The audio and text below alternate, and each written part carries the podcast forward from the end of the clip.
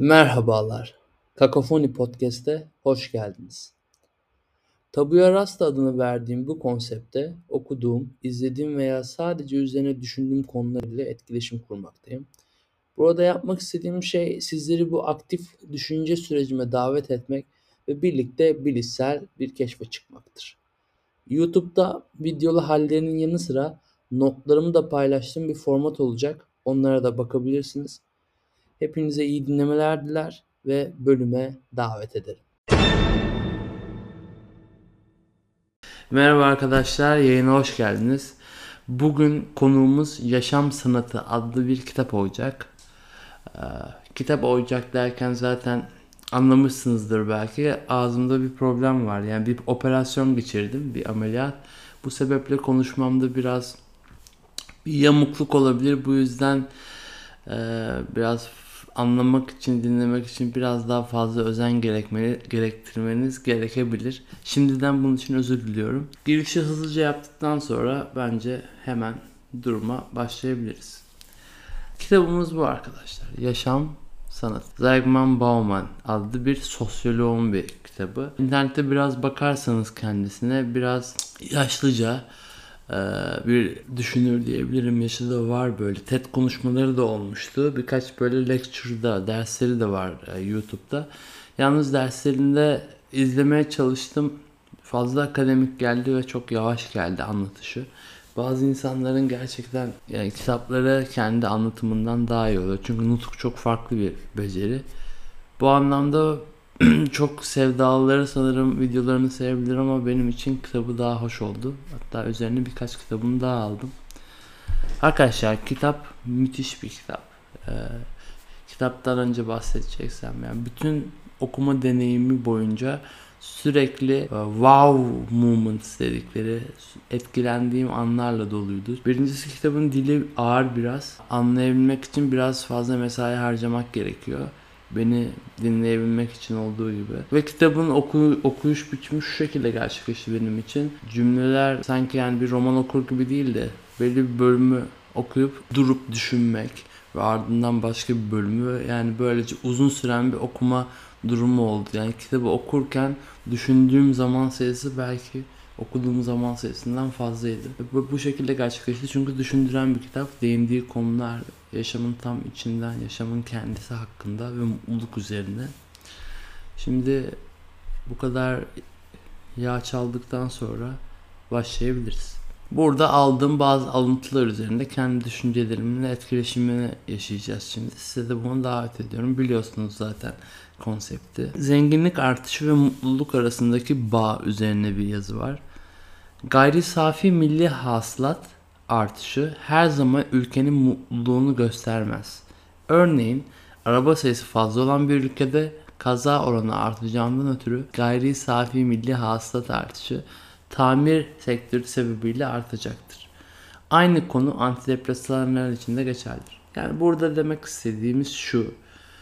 Biliyorsunuz biz bir ülkenin zenginliğini, büyüklüğünü araştırmak istersek CDP İngilizce denilen gayri safi milli hasılat Türkçe ekonomik olarak bu ülkeye giren çıkan yani bütün varlıklarını bir para değeri olarak incelediğimiz bir ekonomik bir parametreye bakarız. Bu da GSMH hızlandırıyorum. Ancak burada bir problemden bahsediyor. Yani bir atıyorum sağlık sektöründeki gelişmeler veya işte ameliyatların fazla olması, kazaların fazla olması arabalar araba sektörünü gerçekleştiriyor. Tamam. Bir ekonomik büyüme arabaların e, sayısında bir artış yaratıyor.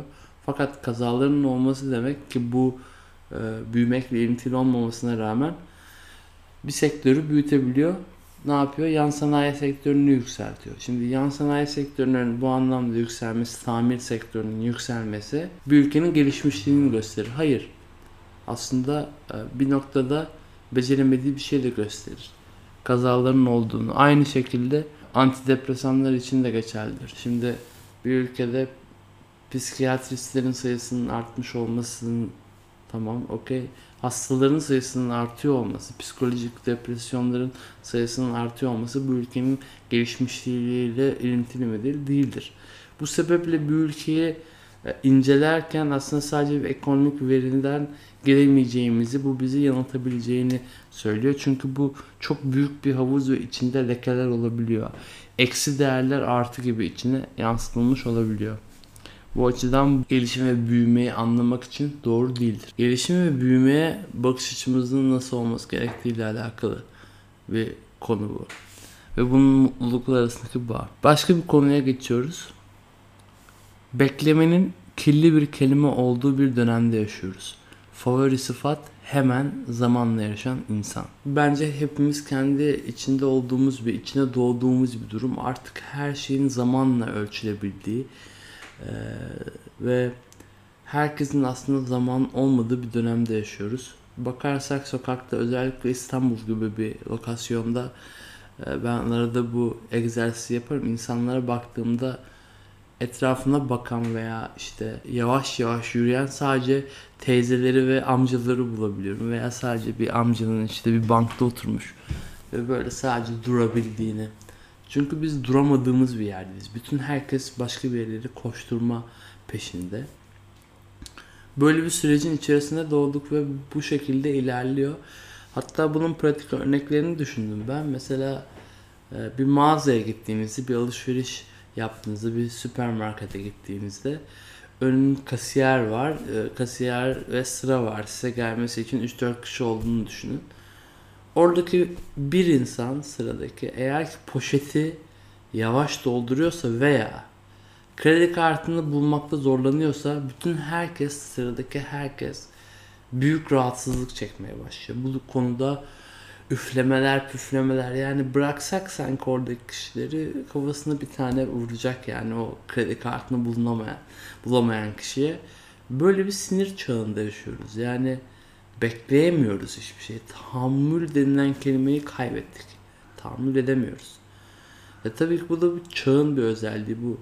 Tüketimle de alakalı olan bir şey. Yani sonraki an için e, kurduğumuz an için yaşadığımız sebebiyle yani hedeflere varma uğruna süren bir yaşamdan bahsediyoruz burada.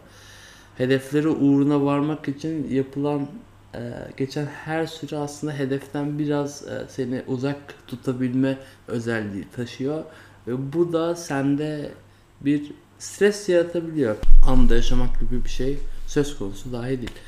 Diğer bir örnek bununla alakalı uçaklar. Birisi uçağın röter yaptığını öğreniyor ve o röter durumunda çok büyük sinirlenebiliyor. Sadece uçak röter yapıyor. Orada işte belki 15 dakika uçak geç gelecek ama o kişiye sorulduğunda belki o adam gelip ben sizi şikayet edeceğim işte içinden böyle duygular, e, öfkelenmeler vesaire gerçekleşebiliyor. Ama şöyle resme totalinde baktığımızda bu uçak arkadaşlar bu adamı gitmesi gereken yer, yere 10 gün alacak bir seyahati normal şartlarda 2-3 saatte yapabildiği bir duruma geliyoruz. Yani buradaki kazançtansa buradaki o 15 dakikalık kaybı o kadar odaklanıyoruz ki burada uçaklarda dahi bu siniri öfkeyi, stresi insan içinde barındırabiliyor. Bunlar pratik hayatın örnekler yani bu çağın aslında e, neler drive ettiğini anlamamız için önemli olan konulardan biri olduğunu düşünüyorum. Ben devam ediyorum. Bir alışveriş yaptığımızda onu elde etmenin mutluluğunu yaşamaktansa alışverişin kendisinde bir mutluluk yaşadığımızı söyleyebilirim. Kimi zaman bende geçen şöyle bir durum gerçekleşti. Bu çok ilginçtir. İnternet üzerinden e, aracım için işte seyahatim için bazı şeyler alıyordum ve Decathlon işte gerekli mecralardan, internet, e-commerce sitelerinden bu alışveriş sürecinde yani bir sürü tür ürünler satın aldım. Ürünler satın alırken internetten sadece bu klik durumlarını yani oradaki pikselle oradaki resimlerle koyduğum kurduğum bağ ve onlarla yapabileceğim hakkında kurgularımı yaşayarak yaptığım alışveriş sürecinde alışverişimi e, anında sürekli bir mutluluk, bir endorfin kendime dolduruyordum ve güzel bir miktarda para harcayarak ihtiyacım olduğu şeyleri satın aldım. Ondan sonra seyahate çıktığımda bu ihtiyacım olduğu şeylere belki de hiç dokunmamıştım. Bazılarını seyahatte açtım ve şunu fark ettim. Onları elde ettiğimde, kullanmaya başladığımda ve internet üzerinden alırken mutluluklarımı kıyaslarsam internet üzerinden alışveriş sürecinde belki kullanmaktan daha fazla mutluluk hissettim. Sonra işte yani sanırım yaşayacağım deneyimi önceden kurgulayarak e, zihnimde yaşattığımdan ötürü bir sonraki anda onu aldığım metayı kullanırken yaşayacağım hazdan ödün vermiş oldum ve sanki o anlamda dediği gibi mutluluk elden kayan bir şey sürekli bu tüketimle sağlanabilecek olarak görürsek sürekli tüketmeniz gerektiği bir şey. Sürekli bir alışveriş yapmanız gereken bir alana dönüşüyor mutluluk. Bu konuda kendi örneklerinizi de düşünmenizi isterim yani. Bu bence hepimizin içerisinde e, olmuştur. Devam edelim. Bunların nasıl olmadığını vesaire ve derinlemesine zaten ileride inceleyeceğiz. Aklımın birkaçını da yazıyorum. George Simenon demiş ki değerler onları elde etmek için katlanılması gereken diğer değerlerle ölçülür. Bu düşünce e, bunun üzerine biraz düşündüm açıkçası. Bir şeye değer biçerken, bir şeye mana e, atfederken atıyorum bu herhangi bir şey olabilir, bu bir ilişkiniz olabilir, bu bir oyuncağınızla kurduğunuz bağ olabilir ve herhangi bir şey. Bu bir gitarınız olabilir. Şimdi ben kendi hayatımdan küçük bir örnek vermem gerekirse bir ukulele almıştım. Bunu özellikle İspanya taraflarındayken e, ukulele almak istiyordum. Portekiz ukulelenin doğduğu yerdir ve dedim ki kendime böyle bir e, amaç kurdum. O zamanlar ukuleleyi çok yoğun çalıyorum. Çok yoğun da isteğim var. Hep yanımda bir enstrüman olmasına dair. Dedim ki bu ukuleleyi Portekiz'den yani belki bütçemin yarısıyla en iyi ukuleleyi almaya e, istiyorum. Ve bunun için Portekiz'e gideceğim. Sırf bu ukulele için İspanya'daki seyahatim ve hatta bir yol arkadaşım vardı o. Ondan dedim ki böyle böyle bir durumum var benim. Ben ayrılıyorum. Portekiz'e gideceğim. Ukuleleyi alacağım. Sonra işte bir yerlerde buluşuruz. Ondan sonra bir rotamızı ona göre inşa ederiz. Sonra Fas'a geçme durumumuz vardı. Cebeli Tarık'ta buluşuruz. Yani biraz ayrılalım. Bir 5-10 gün başka bir yolculuk yapacağım. Ben Portekiz'e uçuyorum ve o an İspanya'dan zaten bu planı önceden kurmuştum. Ee, zannedilmesin yani arkadaşımı direkt yolda bırakıyorum. En başından beri bu vardı kafamda söylemiştim de. Sonra uçtum Portekiz'e. Lisbon'da e, yoğun bir araştırmanın sonucunda ki bu süreç de benim için zor gerçekleşti. Sanki gittiğimde kurguladığım şey orada binlerce ukulele olan bir şehir e, düşünüyordum ama gittiğimde öyle bir yer olmadığını hatta belki Kadıköy gibi bir alanda işte 5-6 tane mağazanın olduğu bir yer buldum Lisbon'da. Sonra da aldım gerçekten çok güzel bir ukulele aldım. İsmini Sofya koydum hatta.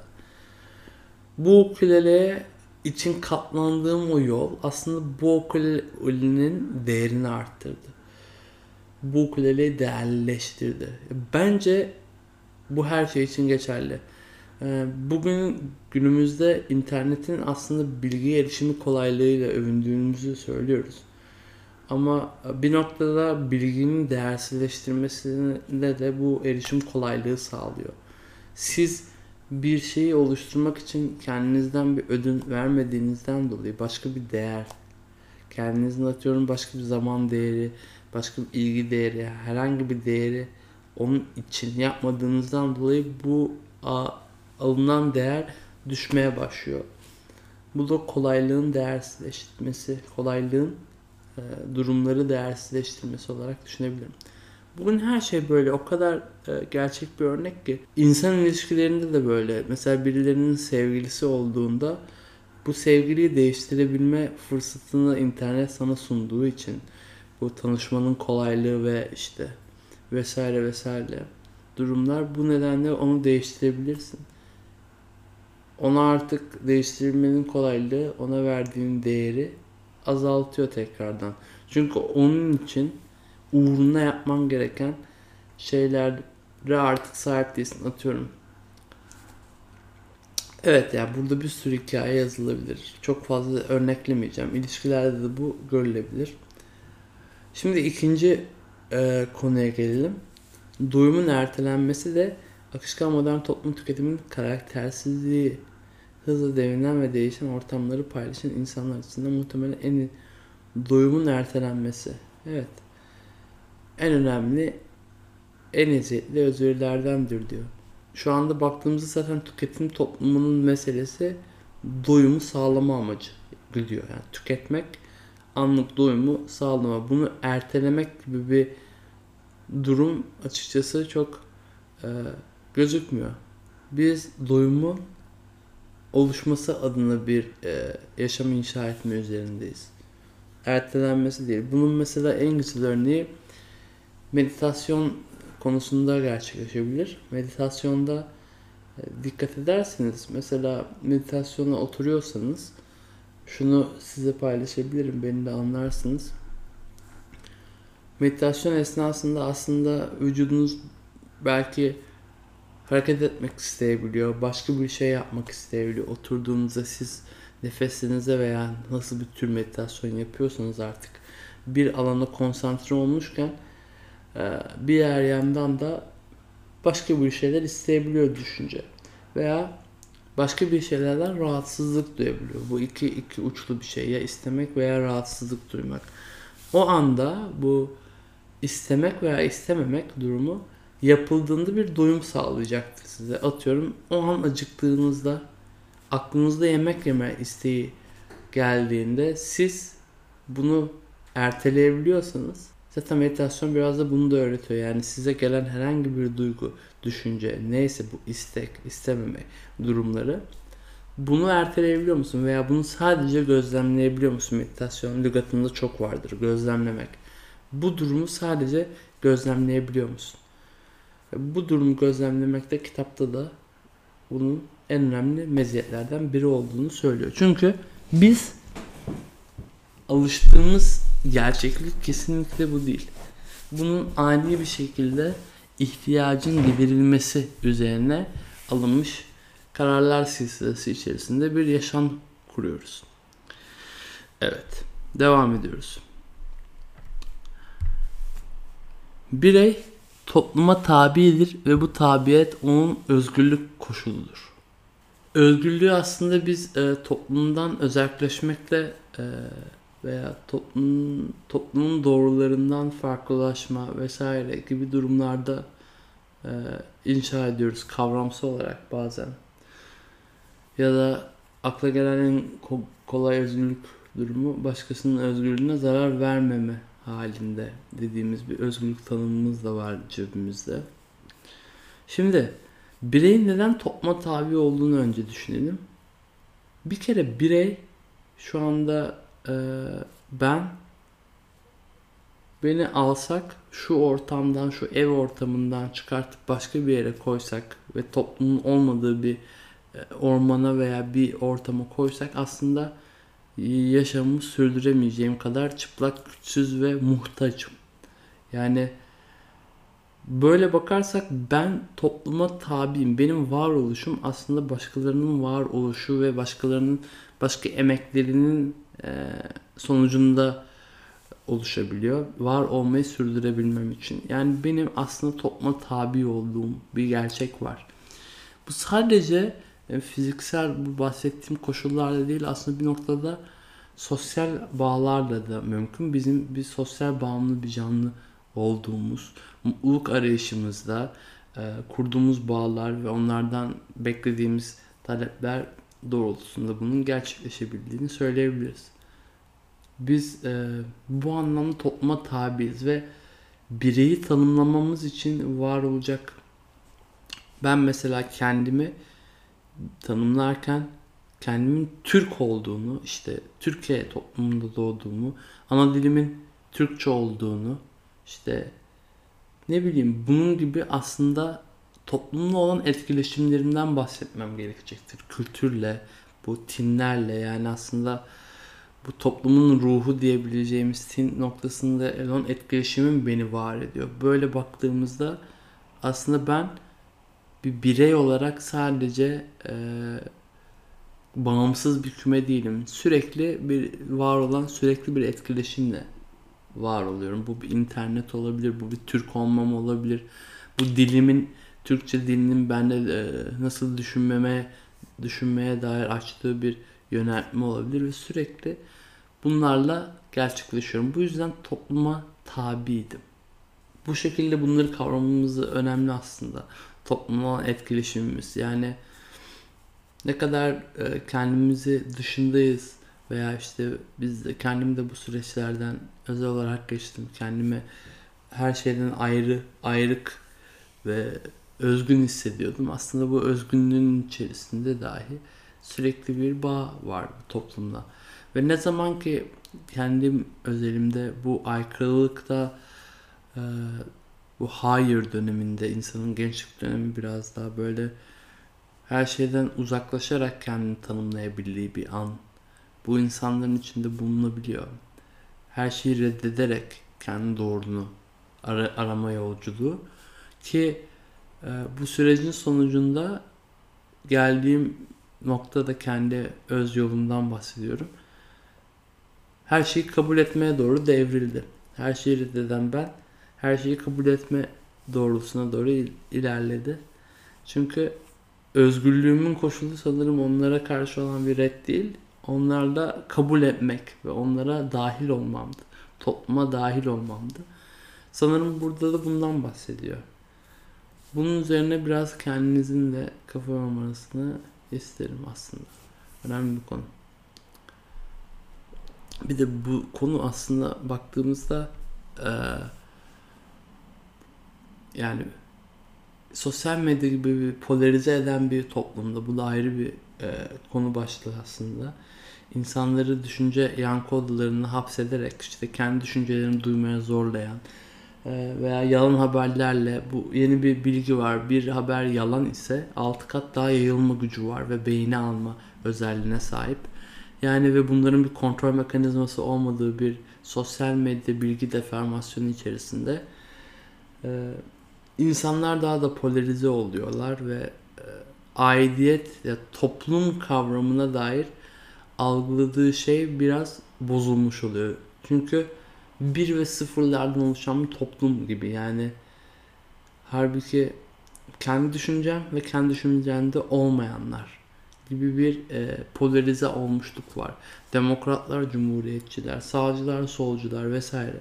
Bu bu bu kadar aslında biz ve onlar olarak ay- ayırdığımız bir topluluk anlayışı var. Evet bu biz ve onlara o kadar e, yüklü bir şekilde itiliyoruz ki bu Twitter'da, sosyal medyada artık mecralarda. Ben açıkçası kendim takip etmiyorum yani. Hiçbir şekilde biz ve onlar şeklinde de ayırmıyorum insanları. Kendi düşüncemde olanlar ve kendi düşüncemde olmayanlar olabiliyor. Ortak bir paydada birleşmiyoruz ama bu kadar. Bundan fayda, bundan farklı bir noktaya gitmiyor. Onların düşüncesine dair bir e, ayrı bir nefret veya stres içermiyorum. Sosyal medyadan bahsediyorduk. Demin e, görüntümüz gitmiş. Bundan haberim yoktu. Kusura bakmayın. Kaç dakikadır görüntümüz yok. Farkında değilim. Hızımı da almıştım. Devam ediyordum. Sosyal medyanın insandaki yarattığı polarizasyon işte bu algı şeyi, bilgi deformasyonu ve bunun gibi durumlarla oluşturulmuş yanlış toplum aidiyet konusu. Bundan bence yeterince bahsettim. Şimdi devam edebiliriz. İnsan kendini mutsuz olduğuna inandığı kadar mutsuzdur. Ne düşünüyorsunuz?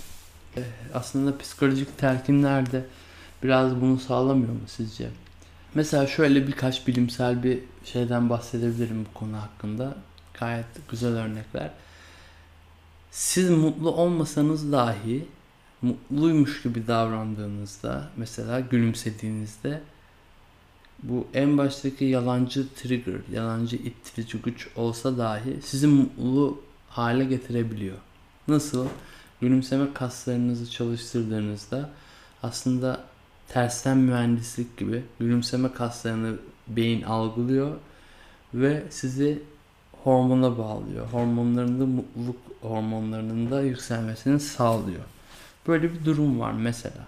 Aslında hormonların bir çıktısı olarak gülümseme oluşturulurken gülümsemenin bir çıktısı hormonlar da karşılıklı olarak yer değiştirebiliyor bu durumda.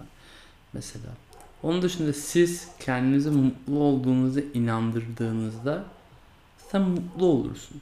Kendinize bu cümleleri sarf ettiğinizde mutluluğunuzu hissettiğiniz ben çok burası çok güzel, burası çok iyi bir yer, işte çok şanslıyım, şükürler olsun, ben çok mutluyum vesaire, bu bağlar çok hoş vesaire gibi kendinize telkinler verseniz bunun sonucunda mutlu olacaksınız. Yani aslında mutluluk bir duygu hali ise bunun nasıl düşünceden e, gelişebildiğini de fark ediyoruz böylece.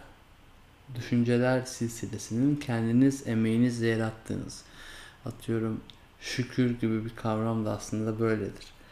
Veya işte e, gibi gibi bir sürü kavramlar söyleyebiliriz. Sevgi içerisine dahil edilebilir.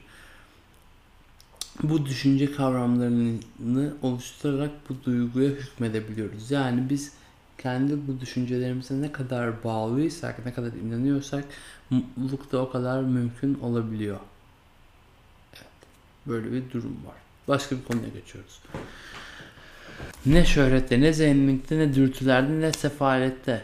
İyi yaşamı dürtülerinizi ve eylemlerinizi yönetecek ilkelerde bulacaksınız. Bu ilkelere de değinmiş.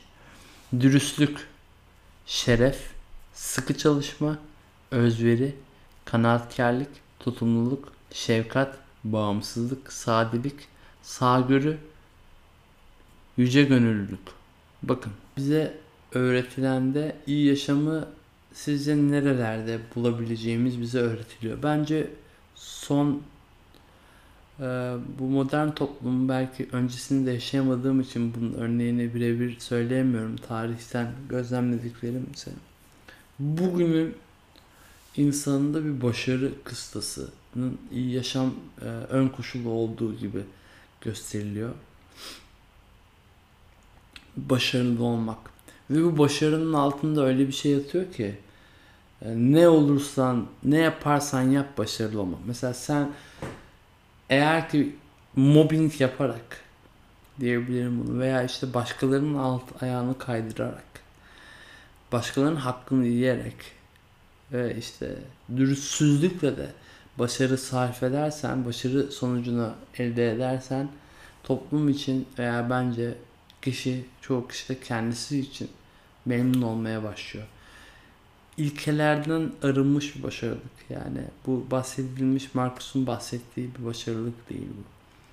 Bence öz başarı diyebileceğim şey gösterilen veya işte sertifikalarla onaylanan bir başarı olmadığını düşünüyorum. Öz başarının da ilkelerden gelebileceğini düşünüyorum. Bu bahsedilen ilkelerden. Gün sonunda yalnız başınıza yattığınızda o, o aç gözlülükle birlikte oturduğunuzda karnınız ağrıyarak bir gece geçiriyorsunuz. Gerçekten öyle.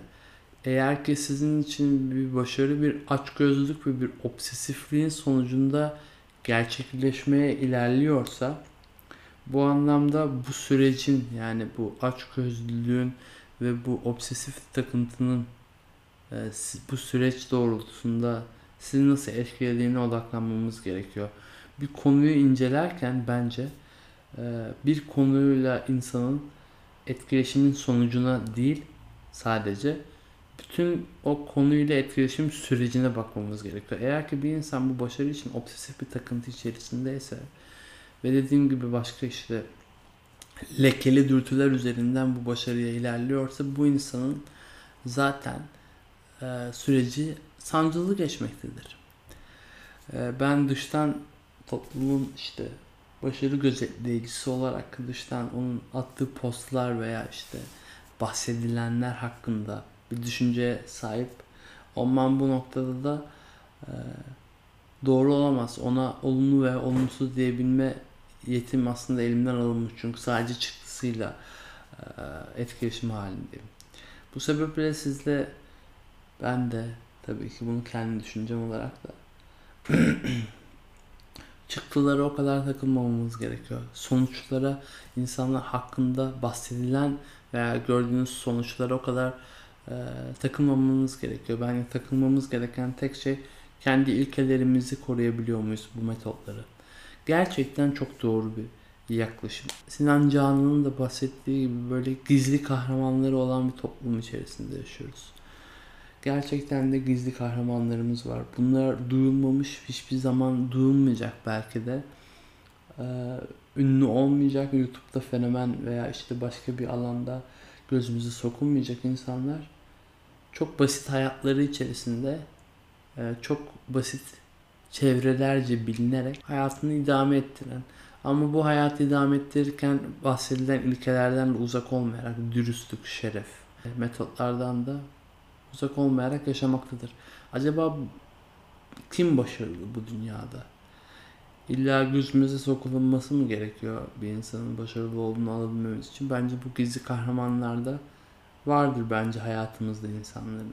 Mesela benim bu videoyu yapmamdaki şeylerden biri de asıl amacımın aslında düşünceyle kurduğum bağın e, biraz daha böyle akışını gözlemlemek bir de yani ona akış düşüncemin herhangi ya da düşüncelerin kendim ile kurduğu bağ arasında bir alan yaratmak ve bundaki temel sebep izlenme sayısı olsaydı sanırım bu videoları çok daha kısa hale ve çok daha böyle hap bilgi haline dönüştürebilirdim.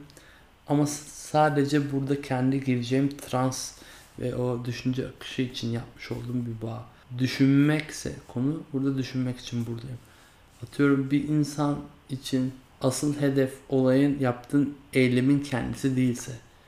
Örneğin bir insan İngilizce öğrenmek istiyor ama sırf bunun sebebi atıyorum e, üniversitedeki puanının yüksek olma ihtiyacıysa CV'sinde yüksek İngilizce gözükmesi ise İngilizce ile kurduğu bağ hiçbir zaman temiz olmayacaktır. İngilizce öğrenmek istiyorsan İngilizce konuşmaktan keyif aldığın bir şey olması lazım. Düşünmek istiyorsan burada sizin izleme, izlenme oranlarınızı düşünerek düşünmemem gerekiyor. Sadece düşünmem gerekiyor. Asıl hedefim bu olunca. Böyle şeyler. Bu da işte aslında e, o eylem ile kurduğunuz dürüst bağda oluşuyor. Pascal demiş ki mutsuzluğun temel sebebi insanın odasında sessizce nasıl oturacağını bilmesi, bilmemesidir. Evet arkadaşlar. Çok güzel bir tespit. Tüketim çağında bu modern toplumda zaten biz e, sadece metalları tüketmiyoruz, insanları da tüketiyoruz. Veya aktiviteleri tüketiyoruz. Yani biz aslında çoğu zaman bizi bir şeye iten bir şey atıyorum can sıkıntısı insanla başka bir e, eylemi yapmaya itebilir. İçinde yaşadığım bir can sıkıntısı beni müzik yapmaya itiyorsa aslında bu müzik yapmam can sıkıntısından kaçtığımın bir örneğidir. Yani ben can sıkıntımla birlikte duramadığım için yani burada dediği gibi yalnız bir şekilde başka eylemler, aktiviteler yapmadan duramadığı için onu yapmaya itiyor. Ve bu da aslında kendisiyle barışmama bir durum var. Çünkü sen her canın sıkıldığında başka bir eylemle bunun e, yok olması için uğraşıyorsan burada aslında kendini can sıkıntılı haliyle bir barışamamış bir durum söz konusudur. İnsanın da diyor Pascal mutsuzluğunun temel sebebi yalnız başına ve eylemsiz bence aktivitesiz bahsetmek istediği bir şeyse durabilme yetisidir. E bu son zamanlarda ne kadar yaptığımızı sormak isterim. Yani tuvalete girerken mi telefon girmeden önce mi telefonunuza bakıyorsunuz yoksa tuvalet esnasında mı telefonunuza bakıyorsunuz yoksa ikisi mi? Her an mı? Yani artık öyle bir şey ki telefon ve bu sosyal medya algoritmaları sizin beğeneceğiniz, beğenebileceğiniz şeyleri sürekli sizin karşınıza etkileşimleri yaratabildiği için her an için bir kedi gibi, kedi algısı diyorum ben buna. Yani bir sinek geçtiğinde direkt ona geç bakman gibi algımız sürekli yönlendiriliyor başkaları, başka bir e, üst zihin tarafından. Bunun için buna ne oluyor veya ne yapıyorum sorgulamadığımızda buna bir düşünce meselesi harcamadığımızda aslında sosyal medyanın e, size göstereceği o reklamları reklamları satacağı birer ürün oluyorsunuz. Şirketler de sizi satın alıyor böyle bir ortamda. Yani siz bir ürün olmaya başlıyorsunuz. Algınız sürekli başka başka bir yerden başka bir tarafa yönlendirilmiş. Ee, bir durumda sizi aslında tek tek bir Lego inşa eder gibi bir dizme durumu var. Kendinizi kontrol edemediğiniz bir süreç var. E, bunun sebeplerinden biri yine Pascal'ın dediğine çıkıyor. Yalnız kalamamakla. Çünkü bizim canımız sıkıldığında veya işte yalnız kaldığımızda veya bir şey olduğunda bir eylem arayışına giriyoruz. Varoluş dediğimiz durum aslında bu. Yani bir eylemle değil de sadece yani bir bütün bu öz olarak bütün bu hücrelerin etkileşim olarak sadece durabiliyor olmak benim varoluşu tattığım en büyük hallerden biridir. Yani tamahkar olmamak ve açgözlü olmamak aslında buradaki mesele. Çünkü sen bu varoluşunda can sıkıntısı devreye girdiğinde zihin farklı arayışlarla bu sıkıntıyı doy, doydurmak aslında bir önceki konuya bağlanıyordur.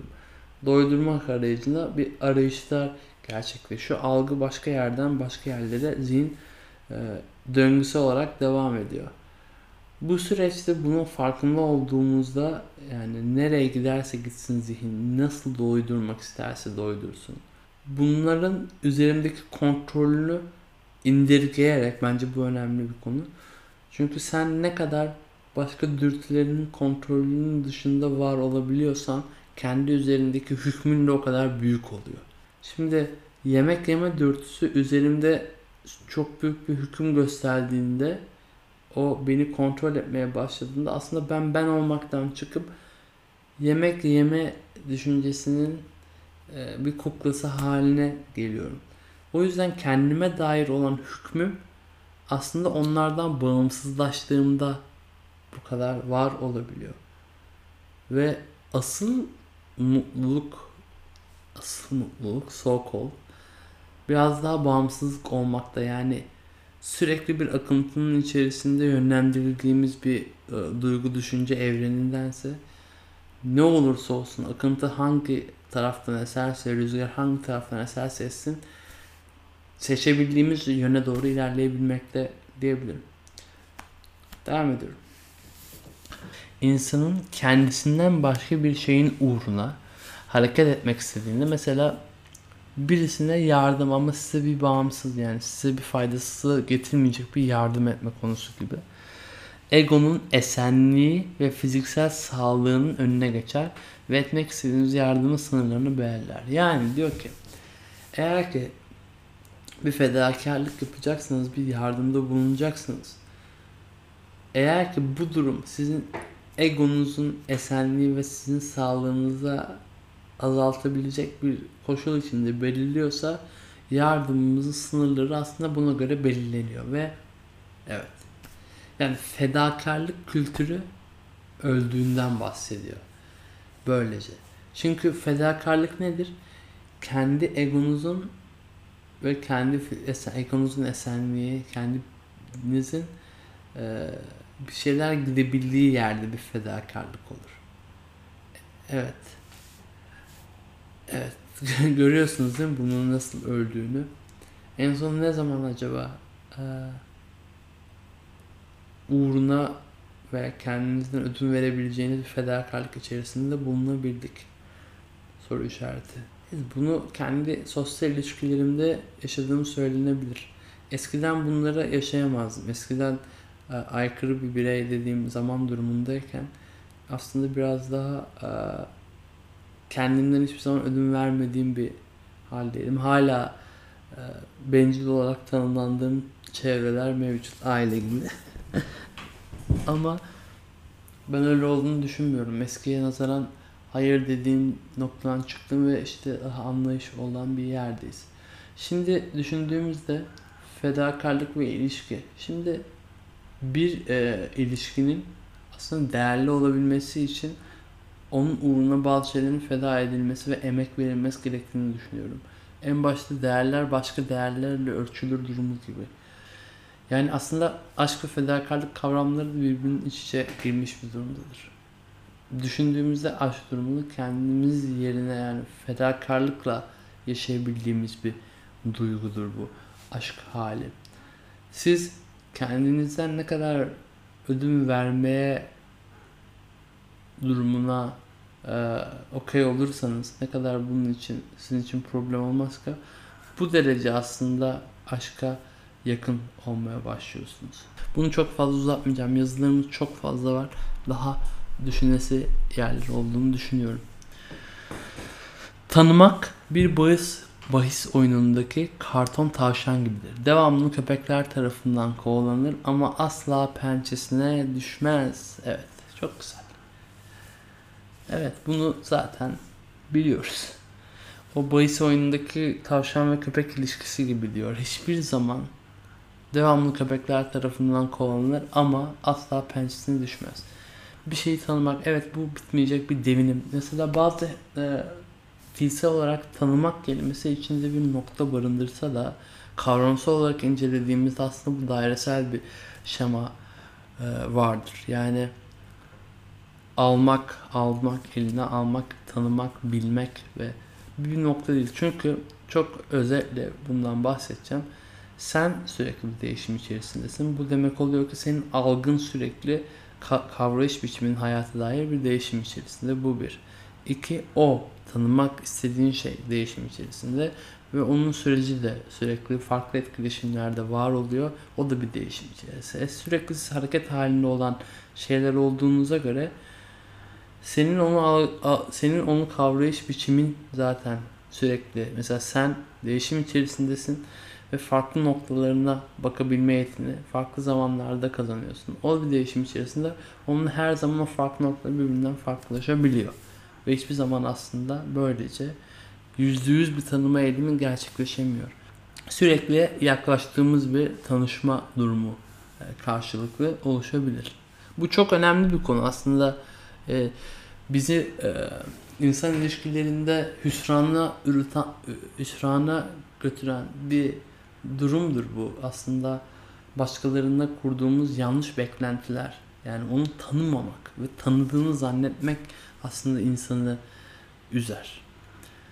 Ee, halbuki tanıştığının farkında olsan o insana belki daha çok yaklaşacaksın. Hüsrana gideceğin bir durumda veya uzaklaşma kararını daha rahat vereceksin. Evet başka bir söz. Geçmişte insanların silah silahlanıp isyan etmelerinin nedeni adaleti sağlamaktan çok adaletsizliğin üstesinden gelmektir. Barrington Moore güzel bir çıkarım yapmış. E zaten öyle değil midir hayatta yani bir şeyin var oluşunu aslında bir şeyin e, yok oluşunun korkusuyla da hissedebiliriz. Her şey için bu geçerli yani kaybetmek korkusunun aslında biraz da sevgi oluşturması gibi veya bir şeyin varlığı diyalektik olarak incelersek yok olmasıyla da ilintilidir. Yok olmasına dair verdiğimiz, yarattığımız o kurgu onun varoluşunu anlayışımızda e, geçerli olacaktır. Çok basit bir örnekle su, suya baktığım için su örneği. Susuzluktan korktuğumuz için suya dair algımız başka bir şekilde oluşuyor. Yani biz suyun bize getireceği o ferahlama, o işte düşünce işte kendimi iyi hissetme, hydrated işte daha güçlenme gibi şeylerdense aslında susuzluğun verdiği korkudan dolayı su içme eylemine gidiyorum. Burada da benzer bir durumu e, adaletsizlik ve silahlanma ile alakalı bir yerden girmiş. Devam ediyorum. Sınıflar. Üst sınıflar kendi üstün konumlarını korumak için hiçbir şey yapmazlar sahip oldukları şeylerin de keyfini sürerler. Ancak orta sınıflar sahip olmadıkları, imrendikleri şeyleri elde ele geçirebilecek şeyler olarak görürler. Ve sahip oldukları şeyler en ufak bir dikkatsizlikle kayıp gelecek şeyler gibi görürler. Orta sınıf sürekli kaygı içerisinde. Evet. Evet bu böyledir. Doğrudur. Ee, çoğumuz orta sınıfız zaten. Üst sınıflar çünkü yüzde birin biri gibi bir alan olduğu için. Şimdi her sınıfın kendine ait bazı kaygıları oluşabilir. Şimdi üst sınıf, en üst sınıfın aslında kaybetme korkusu olmaz. Çünkü kaybettiği herhangi bir şey onun esas kaybettiği bir şey. Yani çok üst sınıftan bahsediyorum. Bu arada ben genelde bence bu üst sınıf kargaşası yani bir Mercedes'i olan veya işte 3-4 arabası olan ve teknesi olan değil. Bence üst sınıf en az 3'ten 4'ten fazla evi olan e, bu e, bu konuda çok ayrı bir konudur aslında. İkinci evi aldığında insan üst sınıfı hisseder genelde. Yani bir yazlığın oluşmasında veya işte e, pasif geliri yani hiçbir şey yapmadan e, gel, gelebilecek gelirin bence bir 20 dolar üstünde olan bir insan kitlesinden bahsediyorum. Pasif olarak daha da fazla talep ederdim üst sınıfı tanımlamak için. Evet neyse bu sınıftaki insanların aslında kaybedecek çok bir e, şeyi yoktur. Çünkü kaybet, orta sınıf için kaybettiğiniz büyük hüsran oluşturabilecek bir meblağ o sınıf için önemini yitirmiştir. Bu sebeple var olanların keyfine bakar sadece. Çünkü e, dediğim gibi bir korkunun su örneğindeki gibi bir korkunun e, ona yönlendirmesinden öte bir korku kaybetme korkusuyla o suyu içmiyor. Suyun her zaman var olduğunu zaten bilincinde olduğu için herhangi bir suyun kaybedilmiş olması, azalmış olması onun için bir önem teşkil etmiyor. Bu yüzden sürekli keyfini sürüyor. O dediğim suyun işte kendi vücudunda yaratacağı o güzel etkileşim, e, etkileri şey yapıyor. Diğer yandan orta sınıfın kaybetme korkusu çok yüksek. Çünkü orta sınıf e, birincisi kaybettiğinde yerine koyamayacağı bir şeyi kaybetmiş olabiliyor. Yani bu da onun için bir e, zorluk şey yapıyor. Orta sınıf eylemlerinde yaptığı harcamalarda ekstra bir düşünce sarf etmek zorunluluğu hissediyor. Bunun sebebi aslında sınırsız bazı şeyler için sınırlı e, şey olması. E, orta sınıf her zaman bir e, yeni bir fırsat arayışı içerisinde olabiliyor. Yani oradan e, koparacağı veya işte şey gibi bir restoranda şu anda canlandırıyorum bunu yaşamadık da bir orta sınıfın yemek yiyişiyle bir üst sınıfın yemek yiyişi farklı olabilir. Orta sınıf oradaki restorandaki yemeğin tadını bir daha başka bir yerde belki çok pahalı pahalı olduğu için bulamayacağının ötürü doysa dahi yemeye devam edebilir ama üst sınıf için doyduktan sonra yemek kalsa dahi onu bırakabilir yani. Böyle bir durum var. Bunun sebebi orta sınıfın elinde tuttuğu şeylerin kaygan ve gidebiliyor olma hissidir.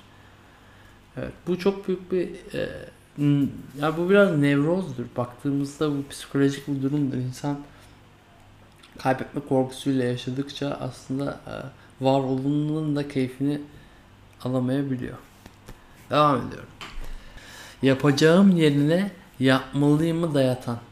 Şimdi evet zaten böyle bir yerde yaşamıyor muyuz? Sabah erken kalkacağım yerine sabah erken kalkmalıyım. İnsanın kendisini görmek istediği bir e, yeni bir kendisi var. Bu ideal kendisi ve bu kimliğe sürekli oluşmak adına, yetişmek adına kendimize bazı koşullar yaratıyoruz.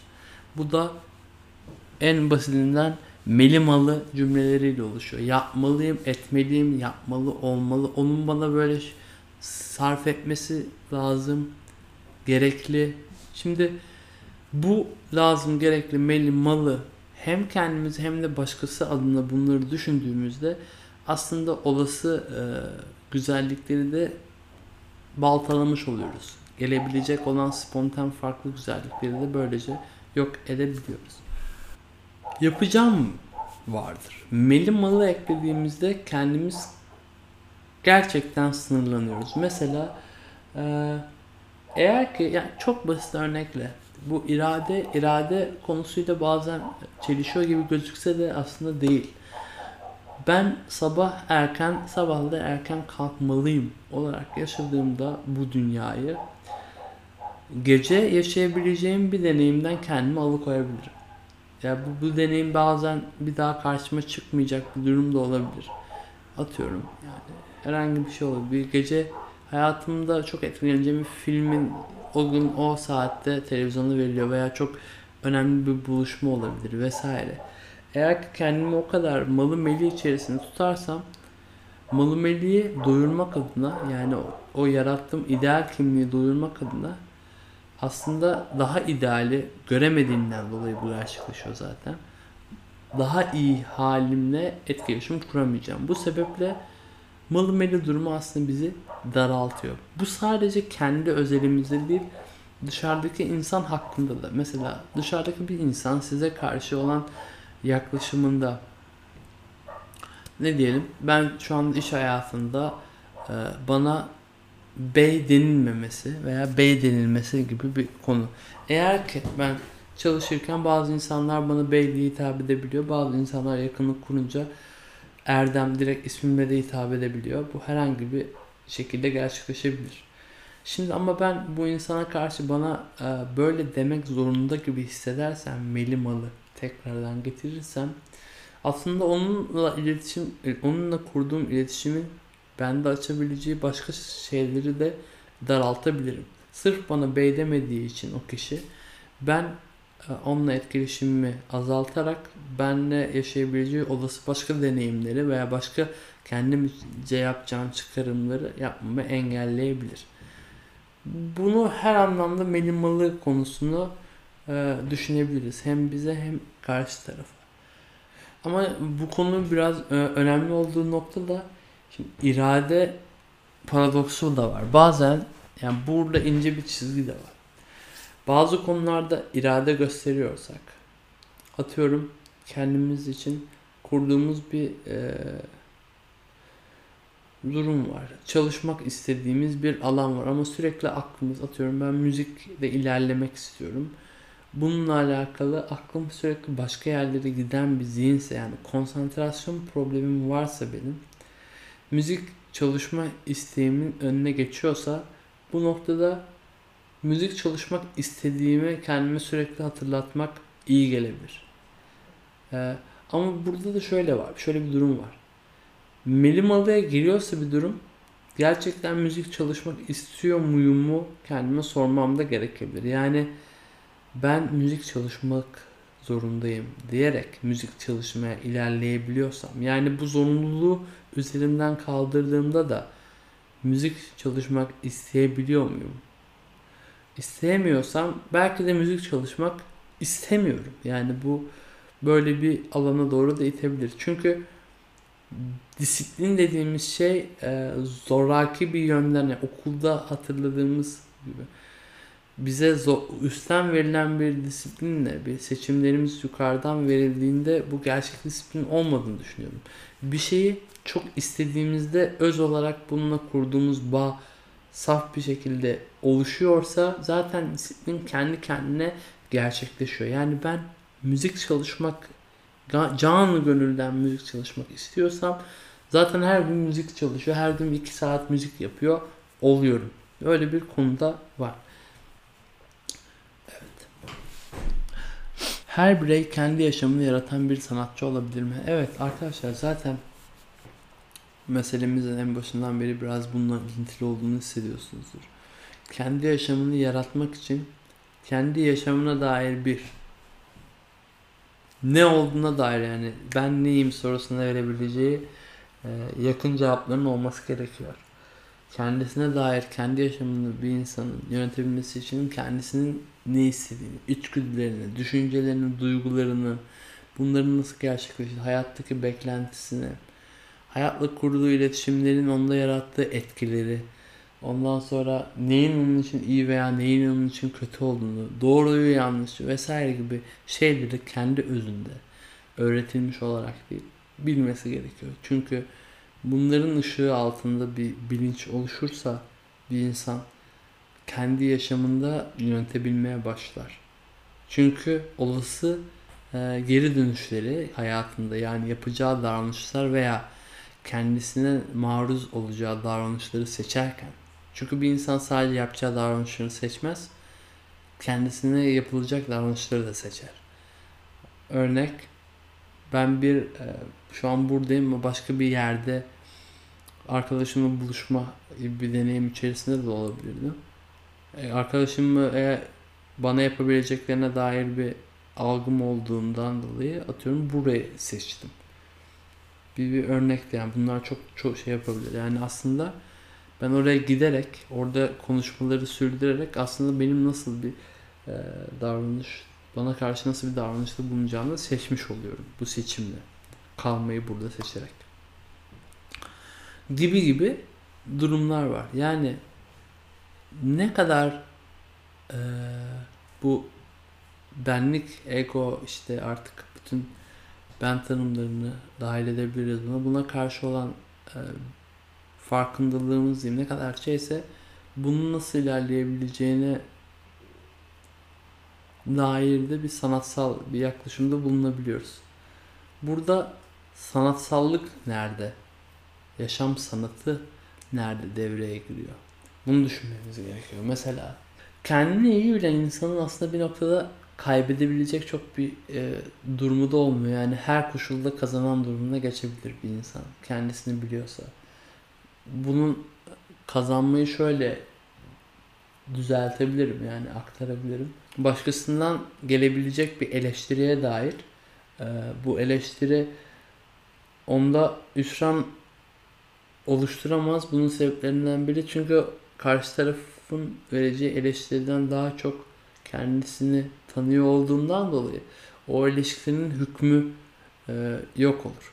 Bu sebeple yani bu insanı, kendisini bilen bir insanı hangi koşulun içerisine koyarsanız koyun aslında o koşulda e, her yönden yani her seçenekte yani bu bir eleştiri veya bu bir e, diğer yandan övgü de olabilir.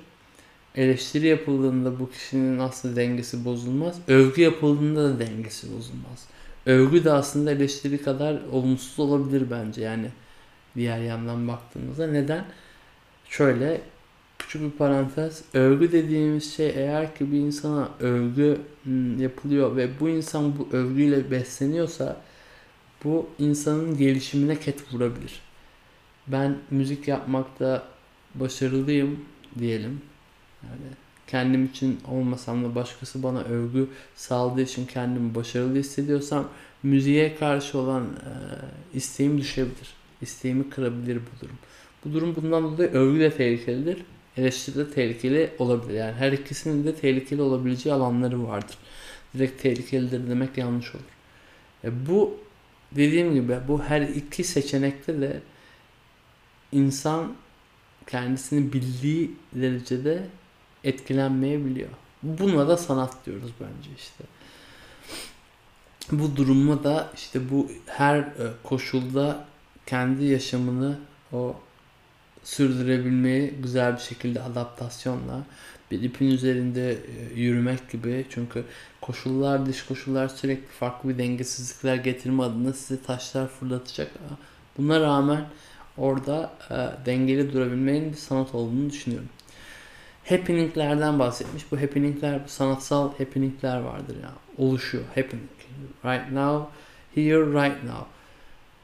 Sanatçı o konuda sanat eserini gerçekleştirirken aslında e, izleyiciyle interaktif bir bağ kuruyor ve izleyiciyle birlikte o sanatı sürdürüyor ve sergi veya sanat performans sanatı bittiğinde e, bitmiş oluyor ve aslında sanatçı dahil olmak üzere neler olabileceğine dair bilgisi yok. Bunun bir örneği var sanat dünyasında. İsimleri hatırlayamıyorum, olayları hatırlıyorum, kusuruma bakmayın. Durum şu şekilde gerçekleşiyor. Bir e, sanatçı bir sürü kıyafetle insanların içerisine çıkıyor ve insanlara bir işte her bir sıra oluşuyor. İnsan orada bir yazı yazıyor işte bana istediğinizi yapabilirsiniz. Üstümdekini çık istediğinizi yapabilirsiniz gibi. Orada insanlar işte makasla kıyafetlerini kesmeye başlıyor. Her gelen bir parça oluyor. En son onu soyana kadar işte en son hatta buna yani taciz durumları da oluşuyordu yanlış hatırlamıyorsam. Böyle bir durum. Yani aslında sanatçı orada nasıl bir sonuçla karşılaşacağını bilmiyor. Aslında kimse bilmiyor. Yani bu bir happening. oluyor böylece. Bu bir sanat durumunu paylaştık. Yıkım sanatsal bir yaratım mertebesidir diyor. Evet. Ben buna kesinlikle hep katıldım.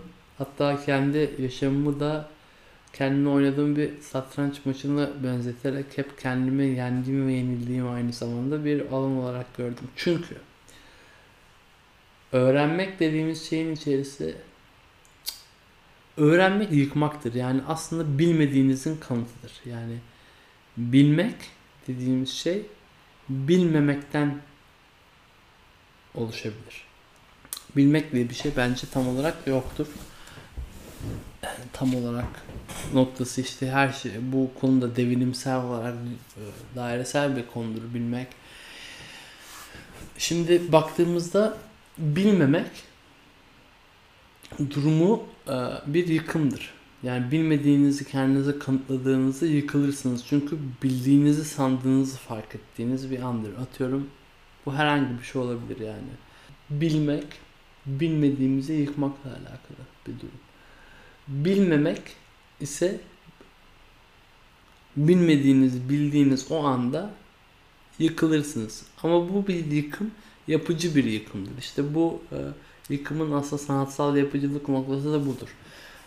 Siz kendinizi inşa ederken bilmediklerinizi öğrendikçe aslında kendinizi var edebiliyorsunuz. Bildikleriniz üzerine bilgiler koyaraktan öte aslında yani bazı şeyleri yıkayık hatta ben bunu entelektüel anlamda çok yaşadım. Bazen bir kitap okuyorum atıyorum psikanalizm üzerine Freud üzerine bir kitap sonra alıyorum başka bir kitap okuyorum psikanalizmi yıkıyor. Okuduğum kitap Otto Rank başka bir şey var ediyor. Başka bir şey okuduğumda başka bir şey yıkılıyor ve sürekli artık yani kendini tekrardan inşa etmekten artık bir ustaya dönüşeceğim. Yani sürekli olarak bir yıkım var aslında. Bilmediğimi fark etmekten hep bir e, yeni bir gerçeklik algısının tokatıyla birlikte yıkılan bazı eski gerçeklikler var. Bu noktada insan kendine dair fanatik olmadığında yani yıkılmasına izin verdiği ölçüde e, yenilenebiliyor. Bu yenilenmekte bir yapım oluyor. Yani yıkımın içinde bir yapım. Shiva'daki e, Shiva öldürmek üzerine işte Hint mitolojisindeki Shiva ateş, öldürmek, dönüştürmek, e, öldürmenin aslında doğurmak olduğu bir şey. Yani kavram tersini zıttını sanki içerisinde barındırıyor bu düşünce açısından bakıldığında. Devam ediyorum. İlelebet tamamlanmayacak kimliğe ulaşma arzusu. Şimdi ne oluyor arkadaşlar? Sosyal medyanın artık öyle bir durumu da var. Influencerların hepsi ne yaptılar? Ee, reklam alma adına piyasadaki işte her şey kapitalle aslında döner. Yani paranın e, piyasayı bükme gücü vardır. Piyasayı oluşturma gücü de paradır aslında. Yani Instagram dediğimiz şeyin zannetmeyin ki Instagram'ı üreten insan da Facebook üreten insan da orada insanların sosyal olarak birbirleriyle yakınlaşması vesaire. Yani gösterilen yüz odur. insanların işte etkileşim kurmasını sağlayacağımız bir ağ yaratmak istiyoruz vesaire. Ama arka planda kendi iş modeli para üzerinedir. Her şey bu böyledir aslında bu influencerların içerisinde de bir para vardır. Para bazı zamanlar para bazı zamanlar ise farklı bir e, değerle beğenme gibi aslında yeni bir para birimi var yani oraya baktığımızda farklı değerlerle bu inşa edilir. Influencerlar da aslında bu noktada başkaları için arzu edilen yaşamı kendisi göstererek yani başkalarının hayal ettiği kimliğe orada bürünerek influence ediyor. Yani başkalarının hayal ettiği kimliği yaratarak orada bir sembolik olarak aslında influencerlar bu kaslı oluşuyla, zengin oluşuyla, işte ortamlarda oluşuyla bunu artık siz nasıl düşünüyorsunuz? Kendinizi influence eden alan neyse çünkü her e, birey için farklı bir influence dalgası mevcuttur. Ben kitap okumayı çok seviyorsam işte binlerce kitap okuyuşuyla veya işte ben deneyimden hoşlanıyorsam işte yüzlerce farklı deneyimi orada yaparak aslında benim olmak istediğim bireye nasıl olması gerektiğini orada bana gösteren bir alan var. Ve bu öyle bir süreç ki bu kişinin e, ne diyor ilelebet tamamlanamayacak bir kimliğe ulaşma arzusuna dönüşüyor. Ve bu pazar yeri aslında bu kimliklerle dolu. Yani bunları bir kıyafet olarak düşünürsek oradaki her bir kimlik birer kıyafet. Ve biz bu kıyafetleri kendi hayatımızda dikmek için uğraşıyoruz. Kendimiz evimizde bir terzimiz, kerzilik var. Kendimizce bunları yaratmaya çabalıyoruz. Ve oradan gösterilen şeyler üzerine gidiyoruz. Yani ne oluyor biz? Biz aslında kendi özgün içeriğimizden yani özgün isteklerimizden uzaklaşarak başka e, piyasa yaratıcılarının bize tayin ettiği istekler uğruna yaşamaya başlıyoruz. Yani böylelikle biz de piyasanın bir ürününe dönüşüyoruz. Ve hatta ve hatta kendimiz de artık bu sebeplerle influence'a dönüşebiliyoruz. Bu sebeplerle bir insan influencer oluyor.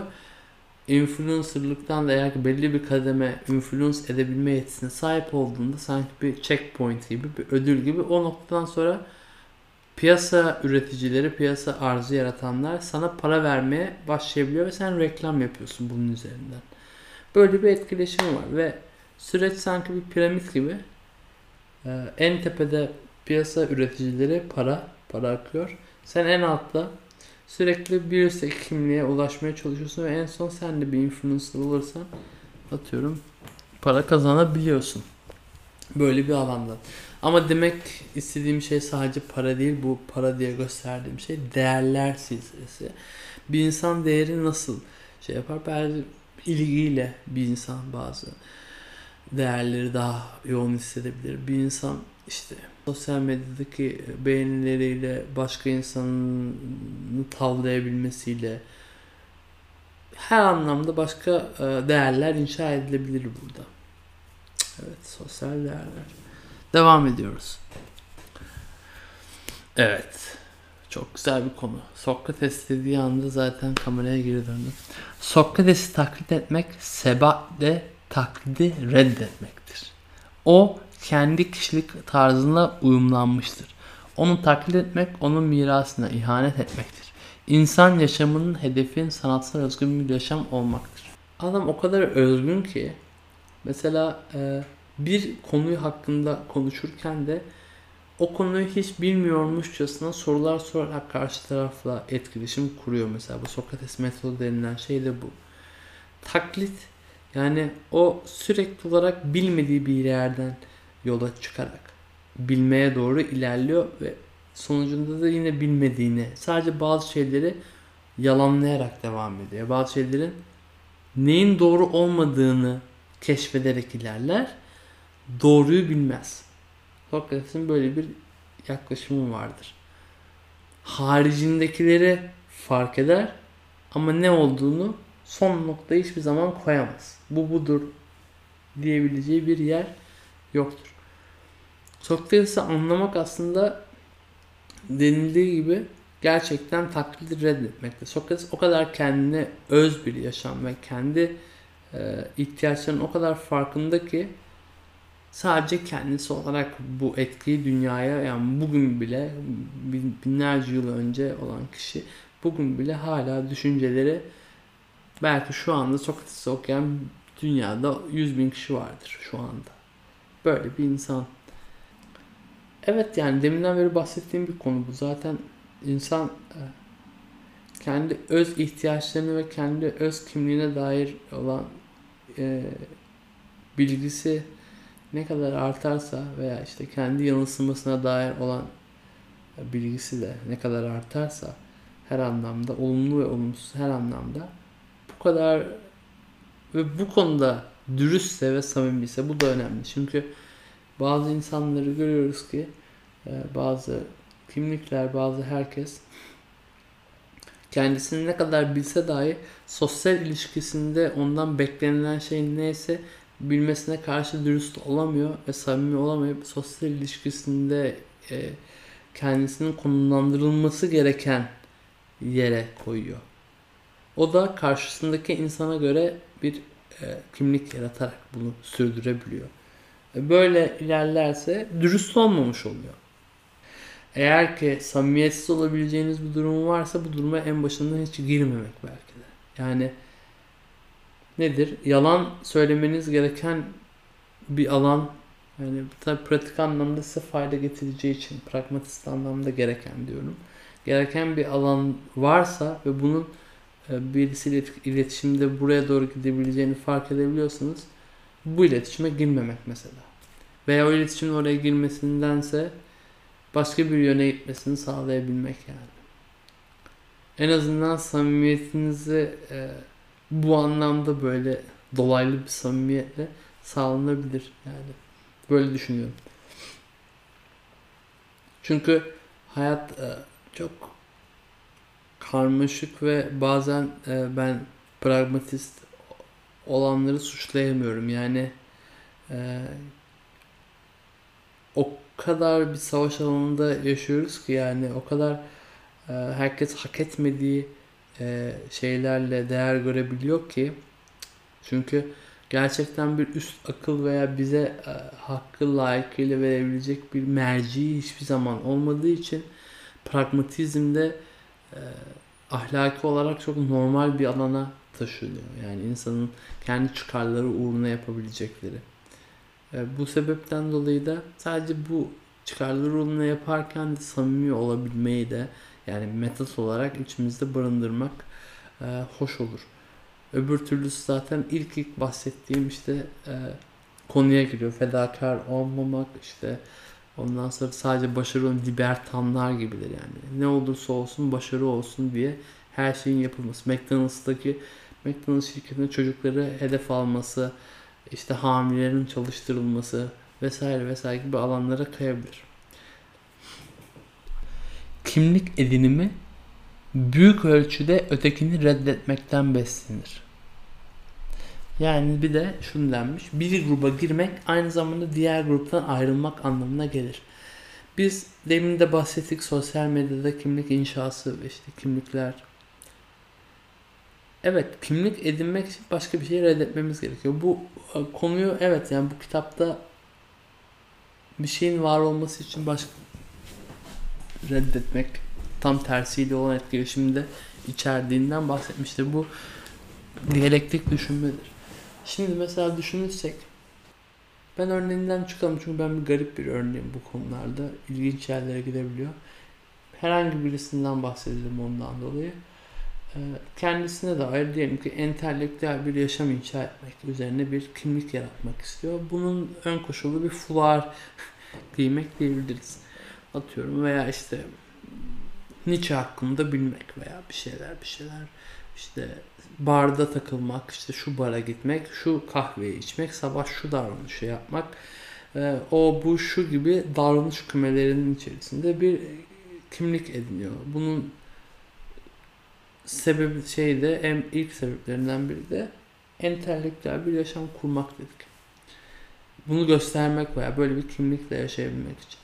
Ne oluyor? Aslında başka bir alanında reddetmiş oluyor. Aslında her bir seçim bu seçim haricindeki olan her şeyi reddetmekten gerçekleşir. Burada önemli konu bence şu.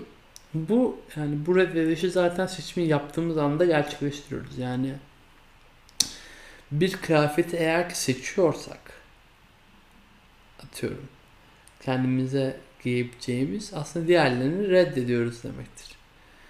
Bunu seçerken veya bir şey satın alıyorsak kendi kimliğimize uygun şeyi satın alıyoruz demektir atıyorum genelde. Bunu alırken veya işte bazı diğerlerini reddederken diğerlerini ne derece reddettiğimiz de önemli. Şimdi çünkü şöyle gerçekler görüyorum ki insan kendi için doğru olanı her insan için de doğru olması gerektiğine dair bir inanış var. Yani ben benim için doğru, ben bu seçimi yaptım. O zaman bu her insan için doğru olmak zorunda veya şöyle bir alt düşünce vardır. Herkes benim gibi düşünüyor olursa dünya güzel bir yer olacaktır gibi bir safsata düşüncesi mevcuttur. Sanki kendi seçimi ilahi doğruymuş gibi yaşamak. E, bu konuda diğerlerini reddetmenin aslında e, derecesinin çok yoğun olduğunu fark ediyoruz. İnsan bir kimlik seçebilir, diğerlerini reddederek bunu yapar. Yalnız parantez açıyorum, reddedişi ve kimlik seçimine karşı bu kadar da bağımlı ve istekli olmaması gerekiyor. Yani eğer ki bu kadar fazla talepkar olursa bu duruma e, kendisi bir sürekli bir savaş halinde diğerleri ve ben biz diğerleri kümesinin çok bolca yaşadığı onlar e, diye sürekli söylendiği bir alanda yaşayacaktır. Şimdi mesela bunu siyasette görüyoruz. Yani herhangi bir siyasi şeyi desteklemeyerek konuşuyorum. Biz ve onlar düşüncesinin ne kadar yoğun olduğunu, bu kadar toplumu aslında e, asıl çözümün e, biz ve onlardan değil de yani bir bütün olarak irdelenerek var olabileceğinden düşünüyorum. Yani siyasi görüşler zaten e, bu kadar oy bölünmesi, işte toplumun kırılması vesaire gibi durumlar bütüncül bir e, siyasetin tam anlamıyla oluşmamasından kaynaklanıyor. Siyasetin bütüncül olması tamam hepsi her siyasi görüş kendi içinde kendi e, toplum için en azından bütüncül bir algılayış yaratmaya çabalasa dahi diğer siyasi mercilere dair işte kötüleme kampanyalarından ötürü işte aslında böyle bir reklam yani böyle büyümenin alt temelinde aslında karşı tarafı kötülemenin yatabildiği bir yaklaşım oluşmasından dolayı bütüncüllüğünü kaybediyor. Çünkü şöyle bir şey var. Sen o tarafı kötülediğinde aslında o taraf hakkında olumlu düşünenleri de e, kötülemiş oluyorsun. Ve bu doğrultuda bütüncül olarak bir barışın veya işte toplumun bütün kesimleri için e, bir birliğin, beraberliğin oluşamayacağını işaret ediyor bu durum. Biz ve onlar olduğu sürece. Bu ama artık böyle bir dünyada ben soğuk savaşa doğru giden bir dünya yani Türkiye özelinde değil de dünya soğuk savaşa gidiyor. Bu polarizasyon o kadar yoğun bir şekilde ilerliyor ki biz ve onlar düşünceleri artık yani en sonunda soğuk savaş olacak. Hatta bir örnek var. Bunda bir tane Social Dilemma diye bir belgeselde izledim. Netflix kesinlikle öneririm. Pizzacıların ta- tacizci olmasına dair yalan bir haber yayılıyor internette. E, pizzacı delivery'leri yapan, işte pizza getiren kuryeler. Bunun üzerine en son bu kadar büyüyor ki bu haberler. Bir tane adam, anne e, şey kız çocuğu olan bir adam silah alıyor. Pizza kuryesi e, mağazasına giriyor. Orada birisini öldürmüyor da silahlı saldırı yapıyor yani sonuç olarak. Halbuki haber yalan. Yani artık o kadar büyük yalan haberlerle çevriliyiz ki gerçekliği araştıracak ne tahammülümüz ne de vaktimiz olduğundan ötürü yani ne oluyor? Onların bize anlattığı bükülmüş, genelde bükülmüş gerçeklikler üzerinden karşı taraf olarak inandığımız şeye karşı bir nefret hissediyoruz. Yani durum tam olarak bu ve bu nefret bizi ayırıyor, ayırıyor, ayırıyor ve e, sürekli bir kargaşa haline sokuyor. Bu böyle bir durum. Konuya böyle biraz daha konuların konular için duygusal ım, önemini yaşamadan bakarsak yani nesnel olarak, objektif olarak sanki bir konulara bakarsak aslında bunu görebileceğimiz bir yerdeyiz. Konu olarak sadece ama işte ama kadını taciz ediliyor gibi işte o bir başka yerlerden bakıldığında hiçbir zaman aslında şeyi yani kendi duygumuzun bizi bükmesiyle konuya bakarsak o konuya her zaman farklı bir özen gösteririz. Yani bir duygu bir düşüncenin e, oluşumunda çok etkendir yani. Siz e, bir şeye nefretle bakarsanız oradan iyi bir şey görebilme ihtimaliniz hiçbir zaman yoktur veya bir başka bir şey. O yüzden duygumuzu sıfırlayarak bakmak gerekiyor ki bu toplum açısından çok zordur yani. Bu başka bir Bu başka bir entelektüellik ve başka bir düşünsel boyut gerektirir. Nesnel olabilme güdüsü. Biraz taş kalplilik gerektirir. Çünkü uzun vadeli çözümlerin her biri aslında bu rasyonellik üzerinden gelebileceğini düşünüyorum. Okey, devam ediyoruz. Parçaların her bir parçanın toplamından daha büyük olan bir toplumsal bütünlük fikri kendi amaç uğruna in, gidemeyen bireylerin oluşturduğu bütünlük fikridir. Nar gibi binlerce küçük parçadan oluşan bir bütün bir nar düşünürsek her bir nar tanesi ayrı bir içinde dünya oluşturduğundan dolayı bir toplum oluşmuyor diyor. Yani tek bir toplum yoktur diyor. Kendi amaç uğruna gidemeyen bireyler var. E, toplumda düşünelim her insan aslında birey. İşte bu polarizasyon konularıyla da aslında biraz e, eşdeğer bir konu. Her bir kafadan farklı bir e, ses olduğunda topluluk olarak belli bir noktaya gidemiyoruz. Yani bu yüzden de gidemeyeceğiz gibi bir yere bağlıyor bu durum. Çünkü bir e, mesela şey düşüncesinde bile artık insanlık e, tartışıyor. İnsan haklarında bile e, temel insan hakları konusunda bile hala e, dünyada bir sürü davalar var. Temel insan haklarının ihlali üzerine davalar gerçekleşiyor. Yani artık temelde buluşabileceğimiz ana fikirler dahi tam olarak böyle yok gibi olabiliyor gerçekten yani. Ortak bir yerde bulunabilmek zor oluyor. Bu da bize aslında ortak bir kaygımızın olmayışı da ortak bir ilerleyişimizin mümkün olamayacağını gerçekleştiriyor. Bu kadar basit aslında. Ya bu herhalde e, çözmek için uğraşsak da tam çözülemeyecek bir yerde. Yani toplum olarak herkesi memnun edebileceğimizi hiçbir zaman düşünmüyorum sanırım. Herkesin memnun olabileceği bir zaman diliminin hiçbir zaman oluşmadığını düşünüyorum.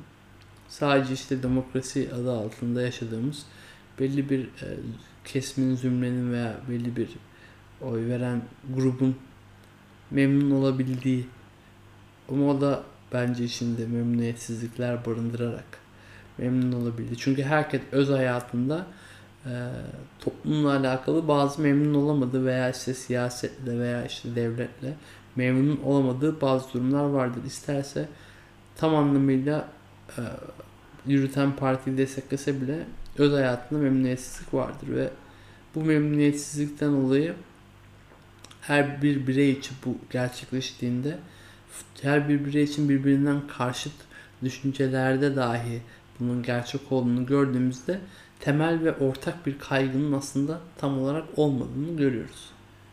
Bu sebeple de toplumun e, aynı istençte ilerlemesi mümkün değildir. Bireylerin farklı olmasından ötürü. İhtiyacı karşılayan şey ahlakın dışında bir şeydir.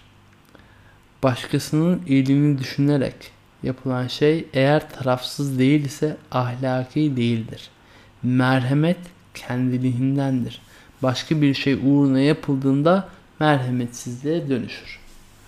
Şimdi öyle bir durum içerisindeyiz ki aslında o kadar çıkar ilişkileri içerisinde e, ilerliyoruz ki yaptığımız iyilikler de bir geri dönüş beklentisi içerisinde barındırabiliyor. Ee, sosyal anlamda eğer bir insan başka bir insana bir şey e, ısmarlıyorsa atıyorum bir yemek olabilir bir yemekte özellikle bir şey ısmarlıyorsa şimdi bu ısmarlamak eyleminin çok farklı dürtüleri ve motiveleri olabilir. Eğer ki bu insan bir sonraki seferde kendisine ısmarlanabildiğin, ısmarlanmasını isteyerek yani başka bir menfaat uğruna ısmarlıyorsa bu merhamet veya içinde merhamet barındırmıyor diyor düşünce. Çünkü ihtiyaç karşılığında çıkıyor. Bu sebepten dolayı da içinde merhamet oluşamaz. Ve bu ahlaktan uzaklaşmıştır diyor.